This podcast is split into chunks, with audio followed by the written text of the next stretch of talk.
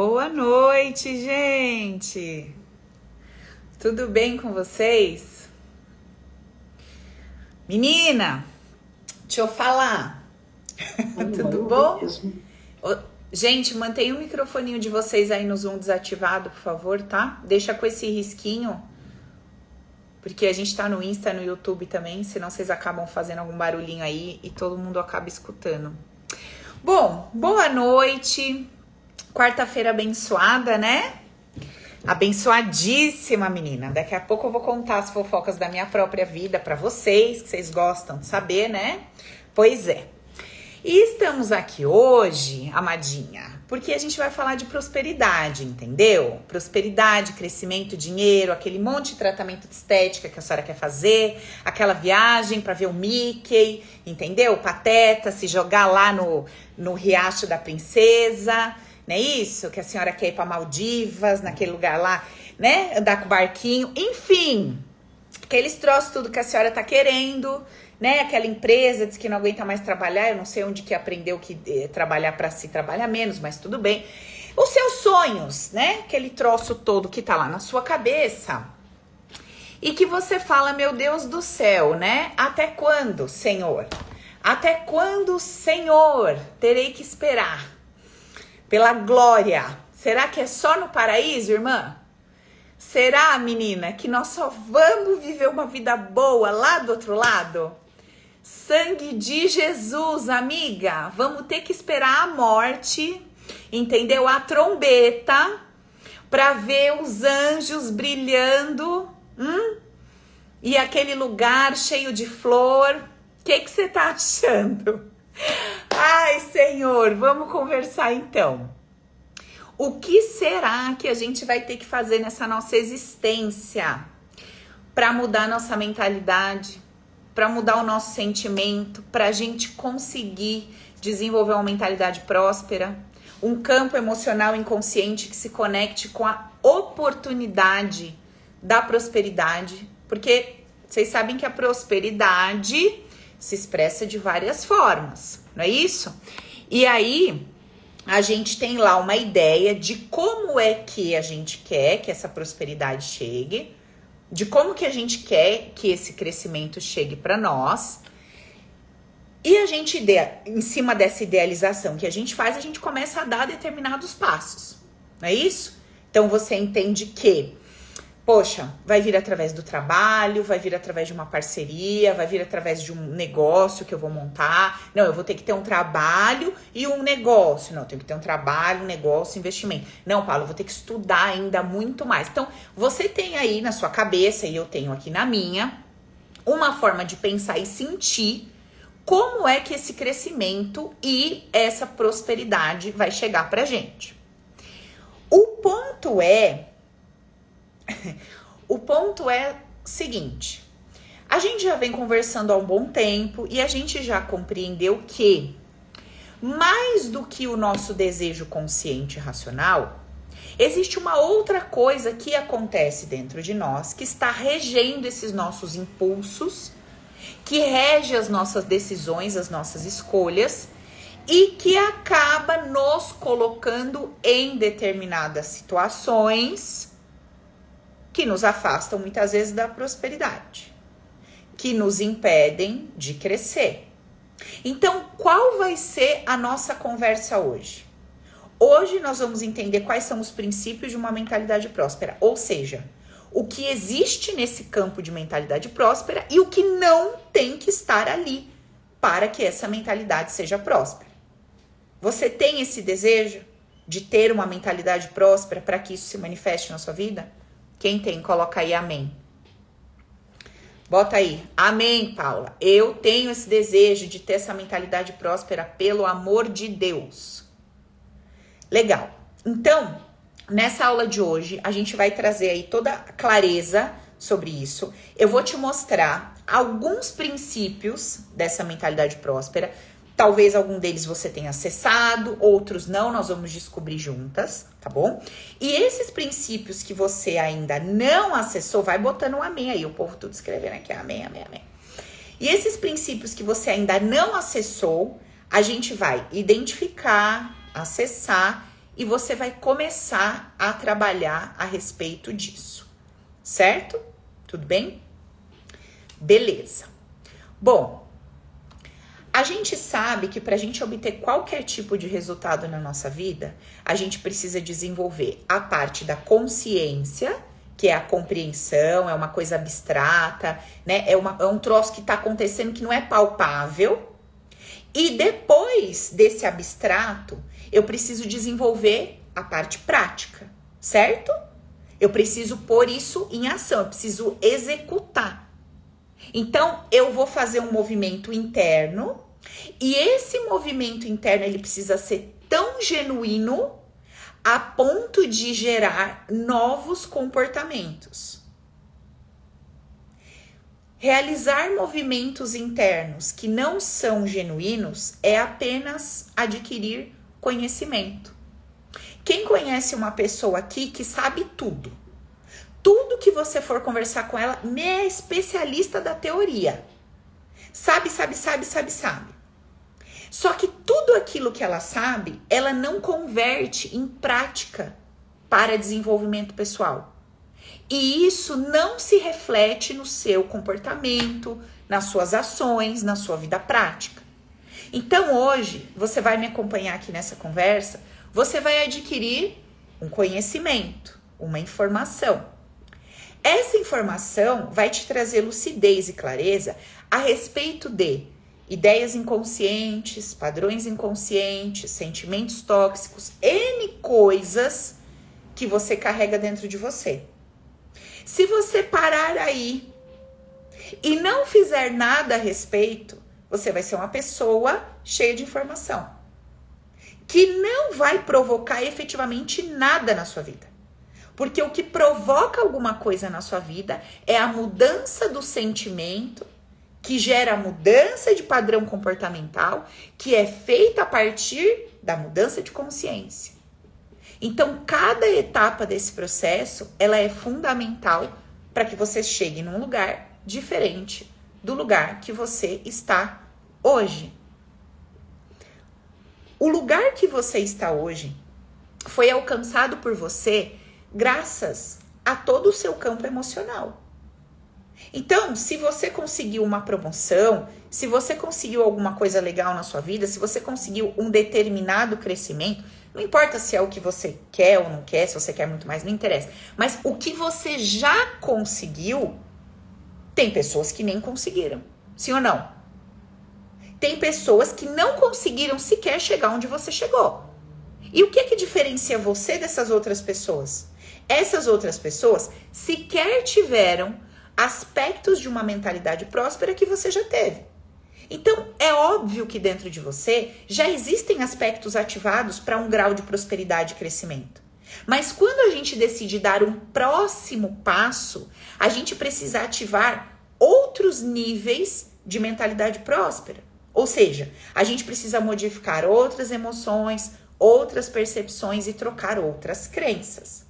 Tudo bem até aqui? Isso é claro para todo mundo? Beleza? Certo. Bom, sabendo disso, como que a gente trabalha? Então a gente gera um novo nível de consciência, a gente adquire uma informação e a gente se dá conta, cara, a minha forma de perceber a vida, a minha forma de enxergar a existência, de enxergar as relações, a energia com o dinheiro, o que o dinheiro traz, o que o dinheiro leva, o que o dinheiro proporciona, é, o quanto eu dou de poder a esse dinheiro, que tamanho eu vejo esse dinheiro num contexto ali dentro da minha história, etc, etc. Todas essas percepções foram foram todas essas percepções eu tive até hoje por conta de um nível de consciência e compreensão da vida. Para que eu mude essas percepções, eu preciso adquirir uma nova consciência. Sim ou não? Porque se eu usar a mesma consciência que eu tenho para tentar interpretar o que eu já interpretei por um outro ponto de vista, não vai funcionar. É a mesma cabeça tentando ver diferente o que ela já viu de uma determinada forma. Não vai funcionar. Então, o primeiro passo é adquirir uma nova consciência. Isso é muito importante. O segundo passo, compreender todos os aspectos negativos que eu carrego relacionados à prosperidade e crescimento em diversos níveis diferentes. Mudar, modificar isso para que eu possa dia a dia, passo a passo, subir um degrau por vez. Tá. Vocês sabem que tem uns dias aí para trás que a gente lançou o Open. O Open é aquele treinamentão todo meu lá, a gente já encerrou as inscrições, não tem vagas abertas mais nada. E teve um monte de gente que, por falta de prosperidade, por falta de condições financeiras, não conseguiu fazer o que queria. Queria fazer o curso, queria alavancar outras áreas da vida, queria fazer às vezes por autoconhecimento, porque tá com uma depressão, uma crise de ansiedade, ou porque quer prosperar, ou porque quer entender suas relações é, afetivas, familiares, profissionais, etc. E falou: Paula, eu não consegui participar do Open porque eu não tinha 1.997 reais para investir nesse curso. Beleza. O que que eu fiz? Ó, o pessoal falando aqui, eu. Se você é essa que queria muito ter entrado e não entrou, preste atenção. Bom, o que que eu decidi fazer? Eu decidi. Bom, peraí, deixa eu só fazer um parênteses. Todo mundo que tá aqui sabe que já tem um tempo que eu venho falando que eu queria fazer um curso focado em prosperidade. Já conversei com vocês, tô passando nos stories direto falando que eu vou é, entregar o Prosperidade na Prática, o PNP, em breve. Então, todo mundo lá, que os 50 primeiros inscritos do Open que ganharam, vão estar com a gente lá no Prosperidade na Prática, ganharam o curso. E quem não ganhou, teria lá o valor X, que a gente ia vender o curso, para o pessoal poder vir fazer o curso comigo ao vivo, certo? Eu compartilhei isso com vocês. Porém, porém, o que que eu pensei? E quem não tem os conceitos base? Como é que uma pessoa vai mudar a consciência dela para que eu faça todo o trabalho de mudança de crença com ela no prosperidade na prática, sem os conceitos básicos, que é essa estrutura primordial que nós vamos conversar hoje, para a gente poder mudar as crenças que a gente também vai conversar hoje sobre a mentalidade vencedora. Então, gente, o que que eu fiz? Só para informar vocês. Eu montei um combo super legal. Eu vou entregar dois preços, dois produtos pelo valor de um. Então você, puta Paula, eu nunca fiz nenhum curso seu, ou só fiz o SOS, ou só tô na comunidade. Eu quero os conceitos base, porque eu quero gerar essa nova consciência. E eu quero prosperidade na prática, porque eu quero mergulhar fundo nessa questão de crescimento, dinheiro e prosperidade e me destravar. Então a gente fez um combo. Você vai levar dois produtos pelo preço de um. Fechou? Esse link vai ser disponibilizado no final da aula e eu explico melhor no final da aula, porque eu tenho muito conteúdo para dar e eu quero conversar muito com vocês hoje sobre prosperidade, tá? Paula, eu já fiz os conceitos base, eu já fiz o Open, eu já fiz o SOS, eu queria só o prosperidade na prática. Posso? Pode. Alunos do Open 4.0 tem preço especial, alunos da comunidade SOS, todos os meus alunos têm um valor diferenciado. E quem é novato, chegou aqui, hoje só me acompanha, nunca teve nada, hoje, hoje, só hoje, vai ter um desconto especial também, que vai ser o valor diferenciado do preço cheio. Agora sim, gente, apesar de toda, toda essa coisa bacana relacionada aos valores e descontos, tem o grande diferencial, né? Vocês vão fazer o curso ao vivo comigo. Então você vai estar comigo ao vivo no Zoom, você vai conversar comigo, você vai colocar suas dúvidas, eu vou abrir para a gente estar conversando ao vivo. Vão ser mais de 10 módulos, eu já defini 10, só que hoje eu já criei aqui o 11 primeiro, porque já me veio uma situação minha particular que eu vou compartilhar com vocês e que nós vamos tratar isso lá dentro juntos, nada por acaso, né, gente? Então, quando eu digo para vocês que tudo aqui é real e transparente, é real e transparente mesmo, tá? Então, quem puder, quem quiser estar comigo aí nesse mergulho, eu vou explicar melhor no final da nossa aula. Fechou? Vamos lá? Tá preparada aí para a gente começar a entender o que, que a gente vai ter que incluir para desenvolver essa mentalidade vencedora e o que, que a gente vai ter que excluir? Mentalidade vencedora não, mentalidade próspera vencedora, né? Também, na verdade. Beleza. Então, vamos começar conversando sobre alguns princípios. Lembrando, são vários. São vários. Eu vou tratar três princípios com vocês hoje. Eu escolhi a dedo Esse primeiro que eu vou trazer para vocês é um fundamental, tá? Quando a gente consegue tratar esse primeiro princípio, eu vou te falar que 60% dessas questões e travas todas que a gente tem relacionada à prosperidade a gente desbloqueia. Grande parte dos nossos bloqueios estão relacionados a esse primeiro princípio. Então, presta bastante atenção. Depois você reflita, assista de novo a live. É, busque estar tá com seu coração bem aberto, com seus ouvidos abertos, bem conectada na mensagem, para que você consiga ter os insights necessários, para que você consiga ter clareza sobre como relacionar o que eu tô falando aqui com a tua história. Como relacionar o que eu tô falando aqui com a tua vida. Tudo bem, gente? Porque isso é importante, a gente não pode esquecer que cada indivíduo é um ser único, com a sua história, com a sua jornada, com as suas experiências, com tudo que passou. Então, eu trago para vocês um aspecto macro. Você tem que pegar esse aspecto e relacionar com a tua história. Tudo bem? Então, por isso que eu falo, abre o coração, Expande aí tua consciência nesse momento, foca, esteja de corpo e alma aqui na aula para você conseguir fazer essa relação, essa conexão, tá? Bom, alguns minutos antes da gente entrar aqui na aula, aconteceu uma situação comigo. Algumas horas antes, minutos não, falei errado. Eu fiz um investimento, um negócio há um tempo atrás de 350 mil reais. E hoje, para algumas pessoas que estão aqui na live, 350 mil reais não é nada. Para algumas pessoas que estão aqui, 350 mil reais é muito dinheiro. Para outros é médio. Para cada um, esse volume de dinheiro significa alguma coisa.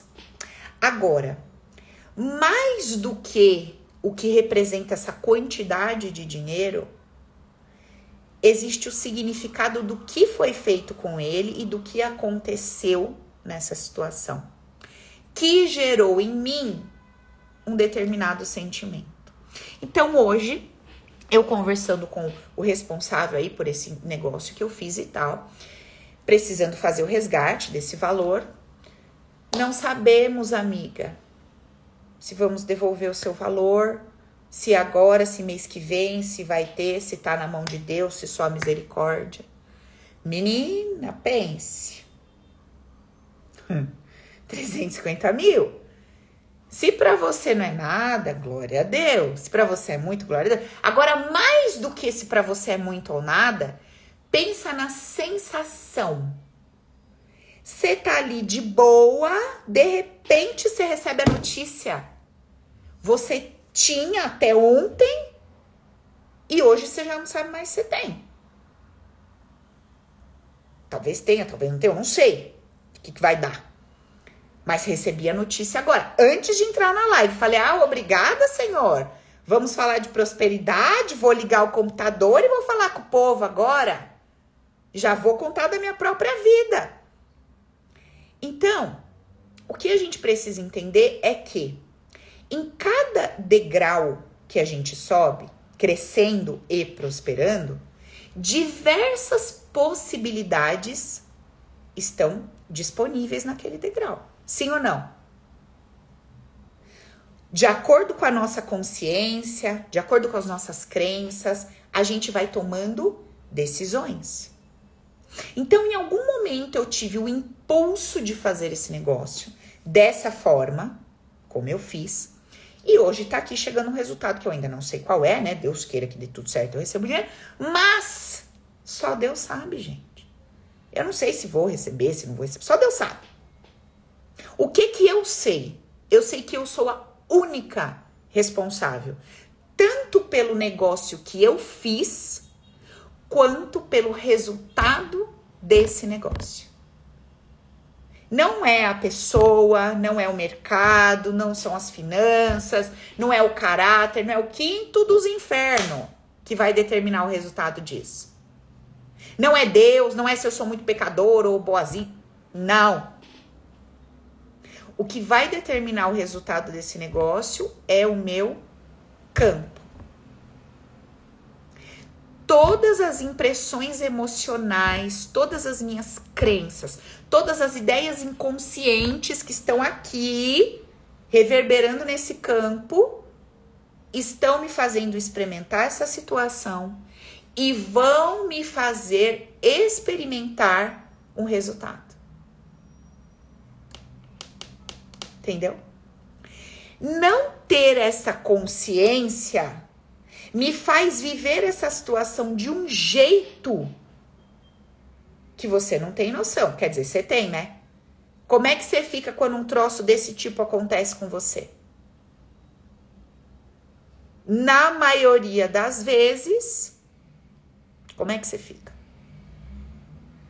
Ou você terceiriza absolutamente essa responsabilidade, se vitimiza e joga totalmente a culpa no outro, tentando tirar o seu da reta, para não dizer que você fez uma grande merda. Na verdade, você não fez uma grande merda.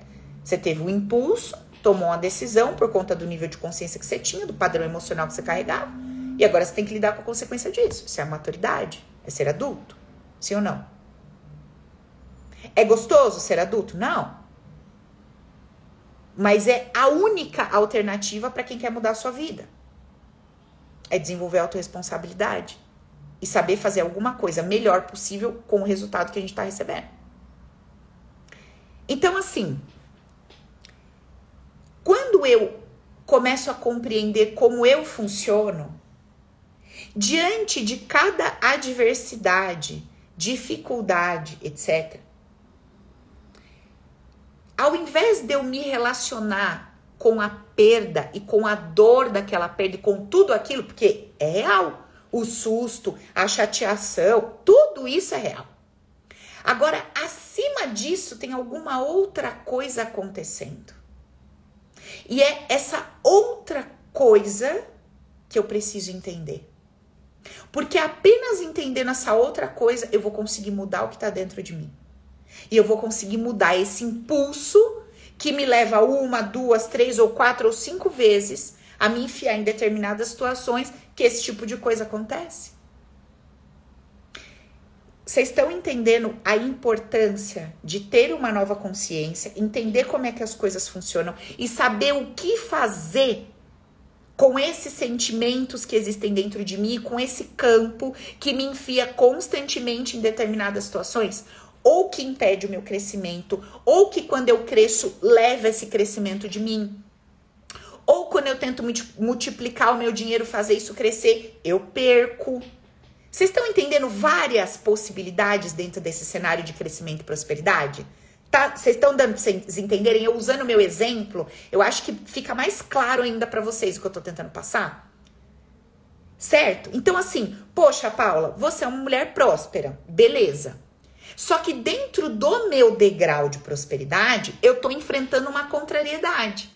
Porque eu tô tentando pegar todo esse dinheiro que chega, porque ele chega, e tô querendo fazer o que com ele? Multiplicar.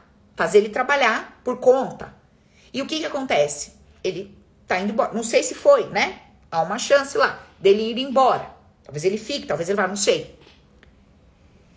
Isso aqui, isso tá me trazendo uma informação sobre mim. E olha só, quando eu recebi a mensagem, quando você tá treinadinha, né, no, no processo todo, você já não mergulha mais naquela dor, não se lameia toda naquele lodo, sabe, do desespero. Você já coloca o teu foco onde importa. E na hora que eu recebi essa informação, eu já comecei aqui fala assim, cara, de onde que tá vendo isso? De onde tá vindo isso? Bom, se eu faço um troço que parece que é bom, parece que é interessante, o que, que tem por debaixo disso para isso ir embora? Gente, mas veio, vem, vai vindo. Já veio um monte de coisa. Vou compartilhar algumas para vocês entenderem. Ó, uma das coisas que me veio aqui, eu me lembrei claramente. Quando eu era criança, eu não tinha mais de 9 anos. Isso me veio agora, tá? Antes de eu entrar na live aqui eu estava fazendo uma oração, lendo o livro de Jó e achando incrível o que aconteceu com aquele homem. Que aquele homem perdeu tudo que ele tinha. Jó era um homem multimilionário. Ele tinha as três filhas mais lindas das aldeias, o casamento mais maravilhoso, muita prosperidade. Diz a Bíblia que o diabo chegou para Deus e falou assim: seu filho Jó tem uma vida perfeita. Diz que te ama, mas é fácil te amar com uma vida maravilhosa dessa. Tira tudo que Jó tem e vamos ver se ele continua te adorando. Aí Deus fala assim: beleza, diabo, pode tocar lá em Jó, que Jó é fiel. E o diabo vai e arranca tudo de Jó até a saúde. E Jó continua lá, adorando a Deus. E eu, animada, cristã, nova convertida, aquele fogo santo lá da igreja, falei: Deus, essa é minha fé. Senhor, não tinha gente, tinha o quê? 10 anos, sei lá. Deus, essa é minha fé, eu te amo tanto que, olha, o Senhor pode me dar tudo, me dá o mundo, depois tira, porque eu vou continuar te adorando e te glorificando. Menina, me veio aqui, eu meditando e conversando com o meu inconsciente, fazendo uma técnica, me veio. Falei, Jesus, já anotei, falei, vamos mudar esta merda dessa ideia. Que para eu provar o meu amor, eu preciso perder tudo. E na ausência de tudo, então eu digo, tá vendo? Você não me deu nada e mesmo assim eu te amo. E eu já comecei a perceber o mesmo padrão nos relacionamentos. Falei, sangue de Cristo. Porque aí vem que nem uma enxurrada. Quando você aprende a técnica de acessar o teu inconsciente, é uma caixinha que abre, filho, e não para mais. É libertador, é poderoso. Aí me veio outra. Qual foi a outra? A outra é assim: estava tudo bem, de repente sumiu. Quando foi que eu senti esse troço, gente? Jantei com meu pai, tava tudo bem, acordei, meu pai morto. Num instante eu tinha tudo, no outro instante eu não tinha nada. Num instante eu tinha segurança, proteção, o pai, o carinho, a prosperidade, o suprimento. De manhã eu já não tinha nada.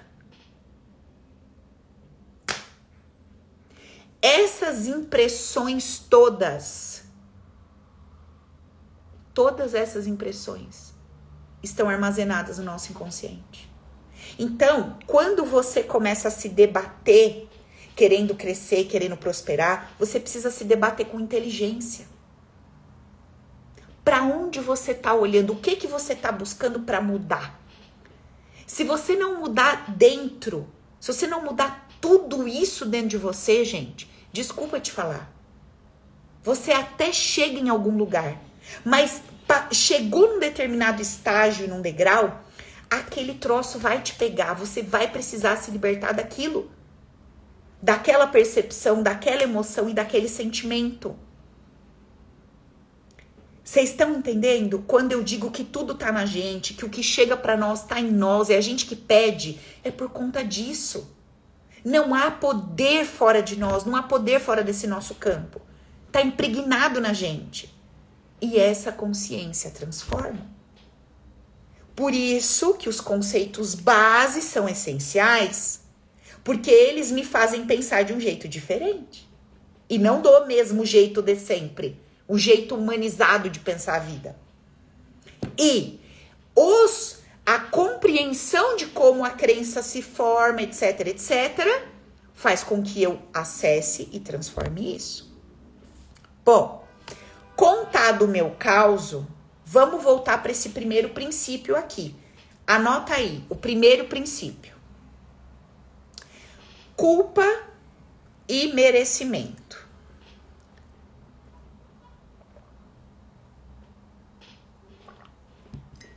Primeiro princípio da mentalidade próspera. Culpa e merecimento. Tá na moda depois que o povo começou a falar de crença limitante, popopó, tá na moda falar assim: ai, meu problema é merecimento. Eu não me sinto merecedora. Mentira. A senhora se sente super merecedora. O problema é do quê? Você se sente super merecedora de ter problema. Eu tô me sentindo merecedora de receber um dinheiro, mas esse dinheiro sumir. Tenho e de repente não tenho mais. Entendeu? Aplico num troço furado. Tem um merecimento aqui. Só que esse merecimento, ele é ele não converge, ele não bate com o que eu digo que eu quero. Então eu estou me colocando numa posição de merecedora, mas de merecedora do quê? O que você tem merecido internamente é o que você está vivendo, é o que você está recebendo. O que você determinou para você que é teu merecimento é exatamente o que você está recebendo. Então não diga mais que o seu problema é, é que ah, eu não me sinto merecedora. Não, não, peraí. Todo mundo aqui se sente merecedor. O problema é do quê? Então vamos entender uma grande, grande chave, que é a seguinte. Quando você se sente merecedora de perder, de não ter, de ser impedida de tocar o que você quer, eu quero te lembrar lá atrás da tua infância, o que que acontecia com você quando você fazia feio? Lembra quando você fazia feio? O que que acontecia? Você deixava de merecer o que você queria. Então, todas as vezes que você falava assim: "Mãe, pai, eu quero essa boneca, eu quero esse carrinho, eu quero isso aqui". Não, não, você não merece. Por quê? Porque você fez malcriação, porque você fez feio. Não, você não merece fazer isso. Você não merece ganhar aquilo. Não, não, isso aqui você não merece. A ideia de merecer o que eu queria, a ideia de merecer o que eu desejava, ela estava sempre relacionado a fazer o certo, a fazer bonitinho, a fazer o que o outro esperava. Entendeu? Ou seja, ou seja, se você sentou numa posição de merecer carniça na vida, é porque você acredita que você fez muito feio. Ou seja, são as culpas inconscientes. Aquelas bobagens que você fez na sua vida enfiou o lápis do coleguinha na mochila, chegou em casa e viu, não quis falar nada para ninguém. Roubou o lápis. Pegou o pedaço de bolo maior que era do seu irmão, papapá, não falou para ninguém quando você deitou na cama, aquilo ficou na sua cabeça. Você falou deixar pra lá. Foi filho da mãe desonesto, pegou o maior. Quando era criança, vinha a priminha na sua casa, o priminho você beijou lá na boca, escondido debaixo da cama. Foi brincar de médico, ó. Psh, Guardou, não falou nunca para ninguém um troço desse. Culpa inconsciente. Foi na vendinha com a avó, escondeu a balinha no bolso, nunca contou para ninguém. Tá lá dentro. Culpas inconscientes. Você botou uma coberta em cima disso. Ninguém sabe, ninguém viu. Você finge que não existe na sua vida mas de tempos em tempos ela dá uma batidinha aí na sua consciência. Aí você faz assim, para, bobagem. Enquanto não ressignificar, enquanto não olhar para isso com uma nova consciência, usando os conceitos básicos, enquanto não olhar para isso com método para dissolver, isso vai continuar te colocando na posição de merecer tranqueira na vida, de não merecer a prosperidade e o crescimento. E se por acaso ele chegar para você, você vai ter que dar para os outros distribuir, perder, etc. Entendeu? Ok. Ah, acabei de falar para vocês que eu tinha desenhado 10 módulos, né, do Prosperidade na Prática. Esse aqui é o décimo primeiro. Até na página de vendas ele nem tá. Porque eu tive tanta conexão com essa ideia hoje que eu incluí aqui, porque isso aqui é muito sério. Muito sério. Se tem um troço que tá bloqueando você em todas as áreas da sua vida, mas principalmente em crescer e prosperar, é a culpa inconsciente. E nós vamos bater muito forte nisso aqui dentro do curso. Muito, muito forte. Porque ninguém nessa vida merece carregar uma trolha de uma culpa e viver jogando no lixo, não se sentindo merecedora daquilo que é teu. Sim ou não? Você concorda comigo? Então nós precisamos trabalhar muito seriamente a respeito disso. E nós vamos trabalhar. O que você pode fazer de antemão? Escreva num lugar que seja só seu. Um bloco de notas com senha de um celular. Se você mora sozinho, um caderno que você guarde em uma gaveta que ninguém mexa. Escreva todas essas coisas, graves ou não, que você fez durante toda a sua vida. Escreva tudo, tudo que vier. E quanto mais você escrever, quanto mais você se abrir com técnica, quanto mais você expandir a sua consciência, quanto mais você estiver conectada às novas ideias da nova consciência, mais vai vir. Mais virá. E vai vir coisas que você nem imagina. Ontem eu estava aplicando a técnica em mim. Eu estava fazendo um atendimento no meio do atendimento eu tive um insight, pegou num troço meu, eu tratando a cliente, pegou no, na minha ferida.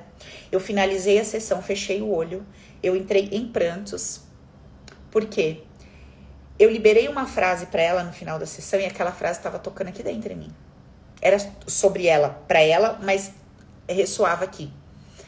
E essa frase dizia assim: Me destruir não elimina a dor que você carrega. E sabe aonde eu fui parar com essa frase?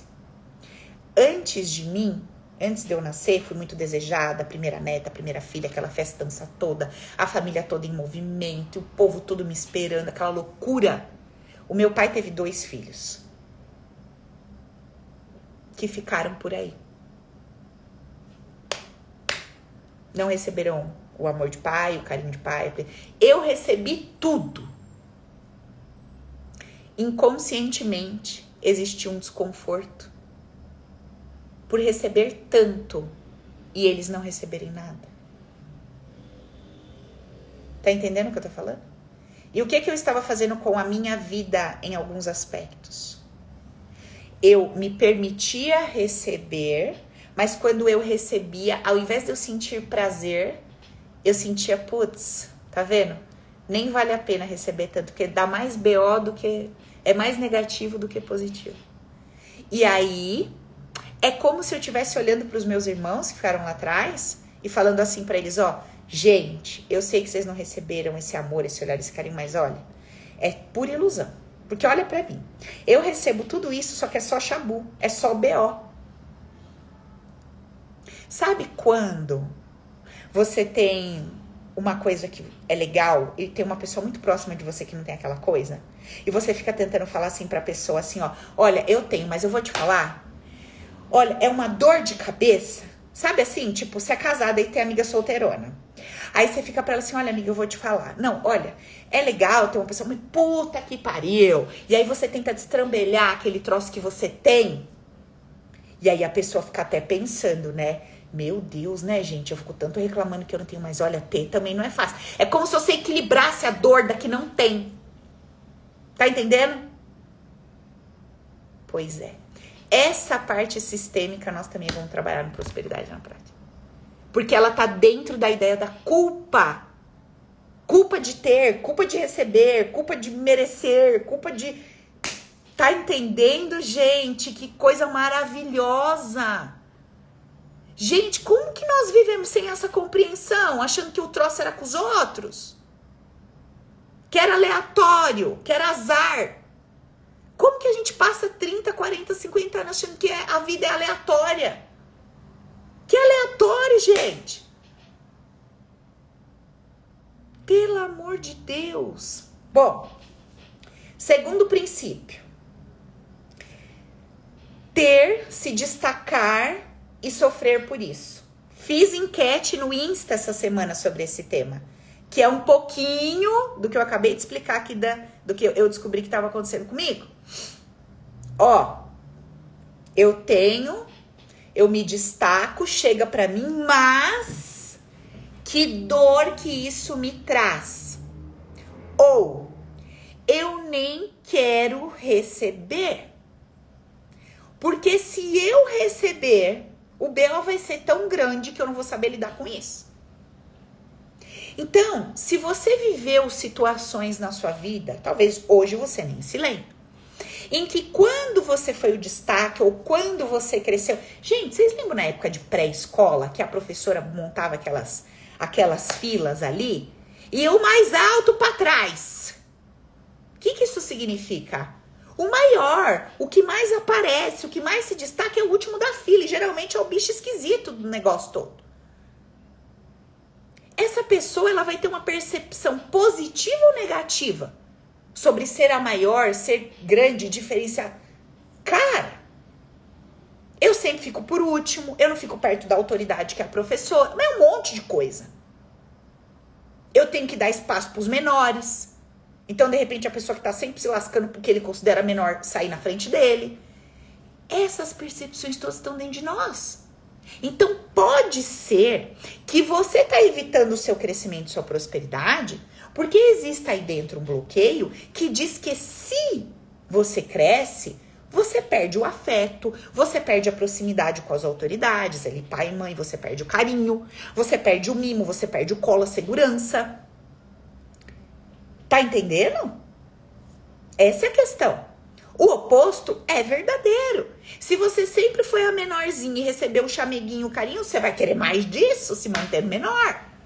Agora, se você foi a menor e só tomou na cabeça, ou você bateu no peito, se encheu de raiva e falou, agora eu vou ser grande. Só que aí quando você se torna grande, a raiva e o troço continuam aqui dentro. Porque a motivação que te fez crescer não foi amorosa, foi dor. Então você até cresce, mas você cresce com um troço aqui dentro que não é legal. Deu pra entender? Beleza. Bom, esse é o segundo princípio. Para você refletir, confrontar. Sabe o que eu acho interessante? Que eu tô falando um negócio e você não tá. Parece que você não tá ouvindo o que eu tô falando. Eu tô explicando o troço de quem é grande e tô explicando a didática, a dinâmica por debaixo dele. Aí, tudo bem. Aí você me pergunta, e a menor? Pega a mesma dinâmica que eu acabei de explicar e troca os elementos. É a mesma coisa. Só que se eu, eu. Vai ser impossível numa live de uma hora com vocês eu falar tudo. Todas as possibilidades e todas as variáveis. Por isso que eu disse no começo da live: respira, abre os ouvidos, abre sua alma, porque você tem que pegar o que eu tô falando e confrontar com a tua vida, confrontar com a tua história. Entendeu? Por isso que eu falo também que quando você faz o curso, qualquer que seja meu aqui, você consegue aprofundar. Porque são N variáveis relacionadas a cada tema da nossa vida. Então a gente precisa aprender a ler cada um deles e ir dissolvendo, e mudando, e tratando. Gente, é tanta coisa que a gente carrega e aí você imagina, você não sabe nem por onde você começa. Você não sabe nem como funciona o inconsciente e quer saber de crença limitante. Como que faz? E acha que a crença limitante do dinheiro é que o dinheiro, quem gosta de dinheiro não vai pro céu. Ah, me poupe, pelo amor de Deus, troço raso eu, hein? Ó. Terceiro princípio. Anota aí. Esse é muito interessante a ideia de que o dinheiro é maior do que eu. Olha só que parada maluca isso aqui que eu vou te explicar. Se eu acreditei a minha vida inteira que o dinheiro tem um valor tão relevante, uma importância tão grandiosa e um tamanho tão gigantesco, se eu dei para o dinheiro mais valor do que eu dei para mim, por algum motivo, eu vou ter duas opções ou eu vou evitar que esse dinheiro se aproxime de mim, porque eu acho que ele vai ficar tão grande na minha frente que ninguém mais vai me notar, só vai notá-lo. Ou seja, as pessoas não vão mais se aproximar de mim porque me veem, elas vão se aproximar de mim porque elas veem o dinheiro que eu tenho. Eu não vou mais construir relacionamentos pelo que eu sou, mas sim pelo dinheiro que eu tenho. Olha o que isso vai gerar em mim. Então eu tenho duas possibilidades. Ou eu vou falar, não quero, de jeito nenhum. E aí pode ser o seu padrão. Você pode estar tá negando esse dinheiro de se aproximar da sua vida porque você acha que se ele chegar você perdeu o amor genuíno, perdeu o amor verdadeiro. As pessoas vão se interessar pelo que você tem e não pelo que você é. Porque você colocou o dinheiro como um troço tão gigantesco que onde ele chega só se vê ele, não se vê mais nada. Tudo perde o valor, só ele fica valorizado naquele espaço, naquele lugar. Entendeu? ok? Ou você vai ser a pessoa que até vai deixar esse dinheiro chegar. Só que quando ele chega, o que, que você sente? Que ele é um troço gigantesco na sua frente e que você tem que ficar lutando para aparecer o tempo inteiro e você carrega dentro de você uma insegurança gigantesca, achando que todas as suas relações são pautadas e desenvolvidas em cima da ideia desse dinheiro. E aí pessoas verdadeiras que querem te olhar você não acredita que é possível. Essas pessoas não conectam com você. E de fato você manifesta o que você tanto temia. Realmente pessoas interesseiras, realmente pessoas que não estão te vendo, estão enxergando o teu dinheiro, porque é isso que você acredita. Olha que louco. Você está clareando, gente? O tique o teco aí, tá? Tá. Bom, esses são os três princípios que a gente abordou hoje. Tem mais N, eu anotei alguns outros aqui para vocês saberem. O medo de ser como quem tem dinheiro. Então você construiu lá uma ideia a respeito de quem tem dinheiro e você morre de medo de se tornar como essa pessoa. Isso é um bloqueio. Medo de perder o que eu posso adquirir e sofrer muito mais por ter perdido do que por ter tido. Danou-se como é que vai chegar esse dinheiro na sua mão. Outra, medo da liberdade. Paula, se esse dinheiro chegar na minha mão, eu posso fazer tudo o que eu quiser? Tudo? Pode. O ah, que, que eu faço com isso? E agora? E se eu sair por aí fazendo merda? Gente, é muita, ai, muita responsabilidade na minha mão. Não, não, não quero, não, não quero, não. É melhor que esse dinheiro todo fique na mão do papai, da mamãe, de alguém e essa pessoa me dê uma parte desse dinheiro. Só e tá bom? Como é que essa pessoa vai ser empreendedora, autônoma, empresária? Se o dinheiro dela sempre tem que estar na mão de alguém e ela só pode ter uma partezinha desse dinheiro. Entendeu? Olha os BO, gente. Ser outra ideia. Ser campo de atração para inveja, olhares, cobiças, querem o que eu tenho, perseguição. Eu vou ser perseguida. Esse povo que você conversa com ele no ano de 2005, você conversa com ele no ano de 2030, ele tá com o mesmo discurso. Eu fui na igreja, eu fui no centro, eu fui não sei onde falar que o povo tem inveja de mim e fizeram uma cumba para mim. O que que tem dentro dessa pessoa? A sensação de que qualquer coisa legal que ela tenha, ela vai ser perseguida. Ela vai ser invejada. Olha a batalha dessa pessoa para receber qualquer coisinha. Porque ela sente que atrai os olhares, ou seja, ela tá no patamar, ela podia estar tá muito além, mas ela não vai. Porque é o que ela sente. Quem é que gosta de ser perseguido, invejado e ter 50 mil olhares? Ninguém quer viver isso. Outro bloqueio. Quem tem não precisa mais de ninguém para nada, fica sozinho na vida. Olha que beleza. Quem tem todo o dinheiro que precisa, vai precisar dos outros para quê? A ideia é que eu só preciso dos outros porque tem dinheiro, a supervalorização do dinheiro. Quem tem dinheiro não pode usar, tem que dar, distribuir. Broxante. Broxante. Hã? Pensa você na tua cozinha cozinhando todo santo dia, não podendo comer nada, nem experimentar. Cara, um dia você pega todas as panelas, joga pela janela e fala, vá merda. Que eu não vou ficar, entendeu? Chega, tô morrendo de vontade, isso aqui eu não posso. Sei que cozinha e se vira, não vou mais cozinhar pra ninguém. Mesma coisa. Se você tem uma crença, uma ideia, um troço dentro de você de que quem tem tem que distribuir, filho, uma hora você não quer mais saber. Você vai ser a que vai ficar sem, vai ficar cobrando dos que tem para distribuir para você. Entendeu? Algumas, tá, gente? Algumas de várias que nós vamos trabalhar no prosperidade na prática. Algumas de várias, tá? Bom, então, o que que nós descobrimos hoje nessa nossa conversa? Existem várias informações dentro de mim, dentro do meu campo emocional, que foram percebidas por mim ao longo da minha jornada, desde a minha infância até hoje.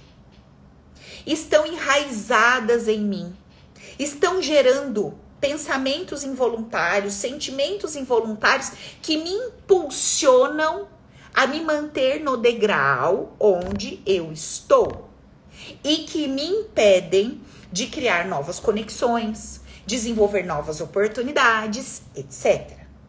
Eu estou sendo impedida de crescer e prosperar por conta do que eu estou carregando dentro de mim.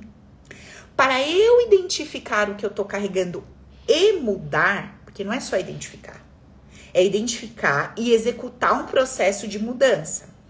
Primeira coisa que eu preciso, uma nova consciência, conceitos base. Eu preciso daquelas 15 ideias que confrontam todas as ideias humanizadas que eu tive até hoje que me levam pro buraco. Não dá para fazer nenhum processo de mudança sem uma nova consciência. Se alguém disse para você que dá amiguinha desculpinha, te enganaram. Não vai rolar. A mesma cabeça perceber no mesmo evento é mais do mesmo. Eu preciso de uma nova consciência perceber no mesmo evento, para ela dar um novo significado, uma nova interpretação e gerar um novo sentimento. Senão não tem o que falar, não tem como mudar, não tem o que ser feito. Entendeu? Segundo passo: identificar as crenças, acessar com um novo olhar e mudar a emoção e a ideia, criando um novo padrão. Esses são os dois passos para a gente começar a construir essa mentalidade próspera. Esses dois passos eu estou disponibilizando para vocês dentro desse combo especial maravilhoso dessa promo linda, etc. Que é o Viva a Vida com Leveza e Alegria, que são esses 15 conceitos base, mais o Prosperidade na Prática, que vai ser esse curso ministrado ao vivo. Nós vamos começar numa quinta-feira, às 19 horas, e vamos seguir sexta, sábado, talvez domingo. Eu tô montando a agenda aqui com vocês. Paula, quantos dias? Quantos forem necessários? Se a gente precisar trabalhar juntas por seis dias, vão ser seis dias. Se eu conseguir entregar o curso em quatro, amém. Se precisar de uma semana, é uma semana. Se precisar de dez dias, vão ser dez dias, porque vai ser ao vivo. Então eu não posso controlar o seu tempo também, a sua compreensão. Nós vamos tirar as dúvidas ao vivo, nós vamos fazer exercícios juntos. Então eu vou entregar completinho para você. Não vai ter outro ao vivo. Não perca, não terá outro. Quem perdeu o Open ao vivo chora até hoje as pitangas. Quem perdeu o SOS ao vivo depois fica chorando as pitangas na minha orelha. Agora vai ter o Prosperidade na prática. Não perca, não vai ter outro ao vivo acesso liberado por um ano, descontos especiais para alunos e ex-alunos. Os links para alunos e ex-alunos estão, foram enviados no seu e-mail, por WhatsApp e nos grupos de Telegram. Paula, eu sou aluna ou ex-aluna, não recebi nada. Você vai me chamar no direct, eu vou te mandar o link da Lana, que é o meu suporte. A Lana vai te mandar o link específico, ok? Paula, eu não sou sua aluna, mas eu quero prosperidade, eu quero viva a vida, eu quero combo, beleza? Chama no direct ou clica no link da bio, você vai ser direcionado para a página de compra, certo? Para quem tá me perguntando quais são os módulos, vou falar rapidamente os módulos para vocês saberem um pouco do que a gente vai abordar, mas tá na página de vendas. Nós vamos falar sobre o que é prosperidade, o que é sucesso. Libere-se das travas que te impede de sentir um sucesso. Tem um monte de trava que te impede de sentir um sucesso, porque você acha que se você sentir um sucesso vai dar merda na sua vida. Ah, o segundo módulo, é, você tem raiva do dinheiro e do sucesso? Faça as pazes com essas energias. Terceira aula, de quem você está se vingando por ser fracassado e sem dinheiro? Toda a parte sistêmica relacionada a essa vingança consciente. Ou para quem você quer mostrar o seu sucesso? Liberação de uma motivação equivocada para ter dinheiro? Se você está querendo ter dinheiro e prosperar para mostrar para alguém, é a mesma coisa de ficar cozinhando para os outros e não poder usufruir.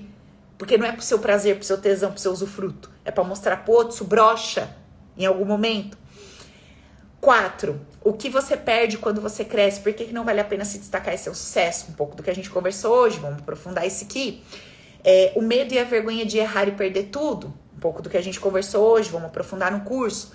É, por que, que não vale a pena se dedicar e caminhar até sua meta? Vamos aprofundar nisso, vamos entender o que, que acontece, por que, que eu não posso chegar lá, certo? Uh, o dinheiro é maior do que você, se ele chega ele rouba a cena, mais um pouco do que a gente conversou hoje. Vamos aprofundar e fazer dinâmicas para desconstruir isso. Você não pode ser um sucesso porque isso vai machucar ou humilhar certas pessoas. Isso aqui é muito forte. Nós vamos trabalhar com muita profundidade na parte sistêmica, essa, esse módulo 8 aqui. Tratando as emoções tóxicas que te impedem de prosperar, vamos fazer um faxinão aí dentro. Vamos, é, vamos a, o módulo 10, mergulhando na cachoeira da prosperidade, sentindo e vivendo sucesso, nós vamos começar a entender como é se sentir, nós vamos buscar essa referência no universo, modo de falar, nós vamos buscar essa referência em momentos que tivemos conexão com essa prosperidade e ativar isso na gente.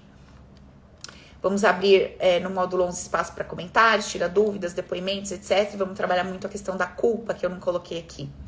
Portanto, amigos, se vocês estão nesta pegada de dar esse mergulho, não perca o curso ao vivo. Ah, Paula, depois eu faço. Para de ser doida. Não vai ter outro ao vivo. Ao vivo não tem para ninguém, gente. E outra, faz as continhas aí, né? Ó, pode entrar lá no site, vocês vão ver os valores. O Viva a Vida, que é o dos conceitos básicos, custa 797. O Prosperidade na Prática vai custar 697. O livro custa R$ 59,90. Para quem fechar hoje, mais uma, mais uma promo legal aí. Para quem fechar hoje até as 11 horas, esse valor total que daria 1.553, que seria o Viva a Vida, o livro e o Prosperidade, vai sair por apenas, vou dar 50% de desconto, 12 de 69,56. Então você vai adquirir o combo, que é o Viva a Vida mais Prosperidade na Prática com 50%, e eu vou te dar o livro de presente, certo? Paula, quero o combo. Quanto sai? 12 de 69 e 56.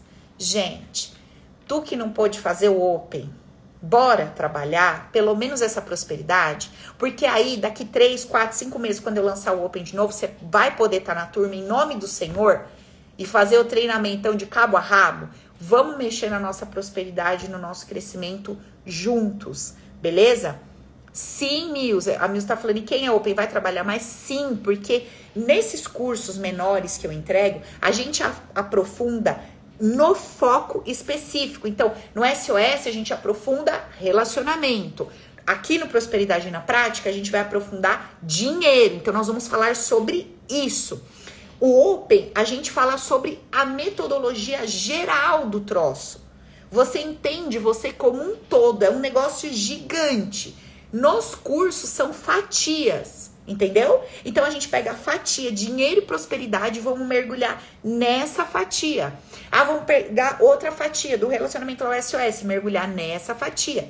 Quem quer só o prosperidade na prática, manda um direct para mim. Quero PNP, eu vou mandar você para Lana do suporte e ela vai verificar de qual curso você faz parte, qual é o seu desconto. Não faço parte de nenhum curso. Se adquirir até hoje, vai ter um bônus e um desconto especial.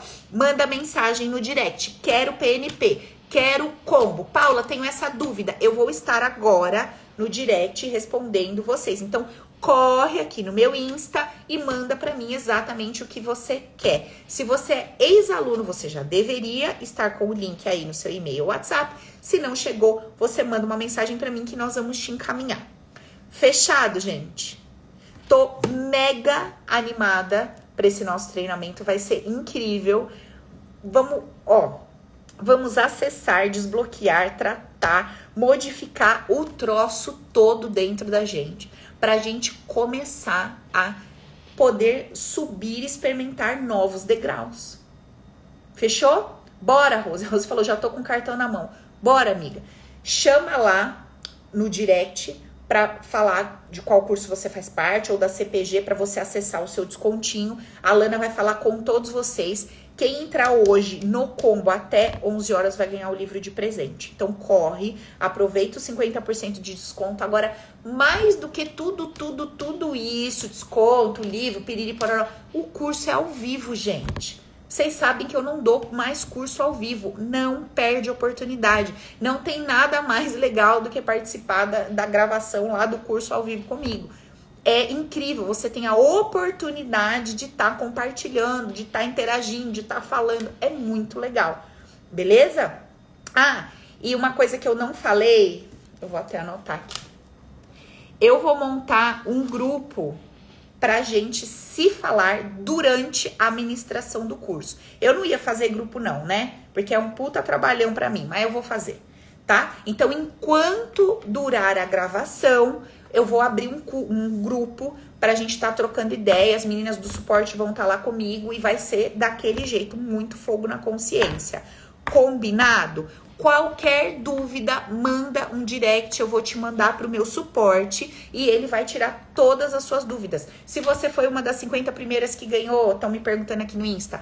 Paulo, eu sou da CPG, qual é o meu desconto? Meninas que são da mentoria, eu vou liberar o link de vocês dentro do nosso canal da mentoria. Fiquem em paz, tá? Vou mandar lá para vocês mais tarde. Paulo, eu sou open que tá rolando, eu sou upgrade, eu sou isso, eu sou aquilo.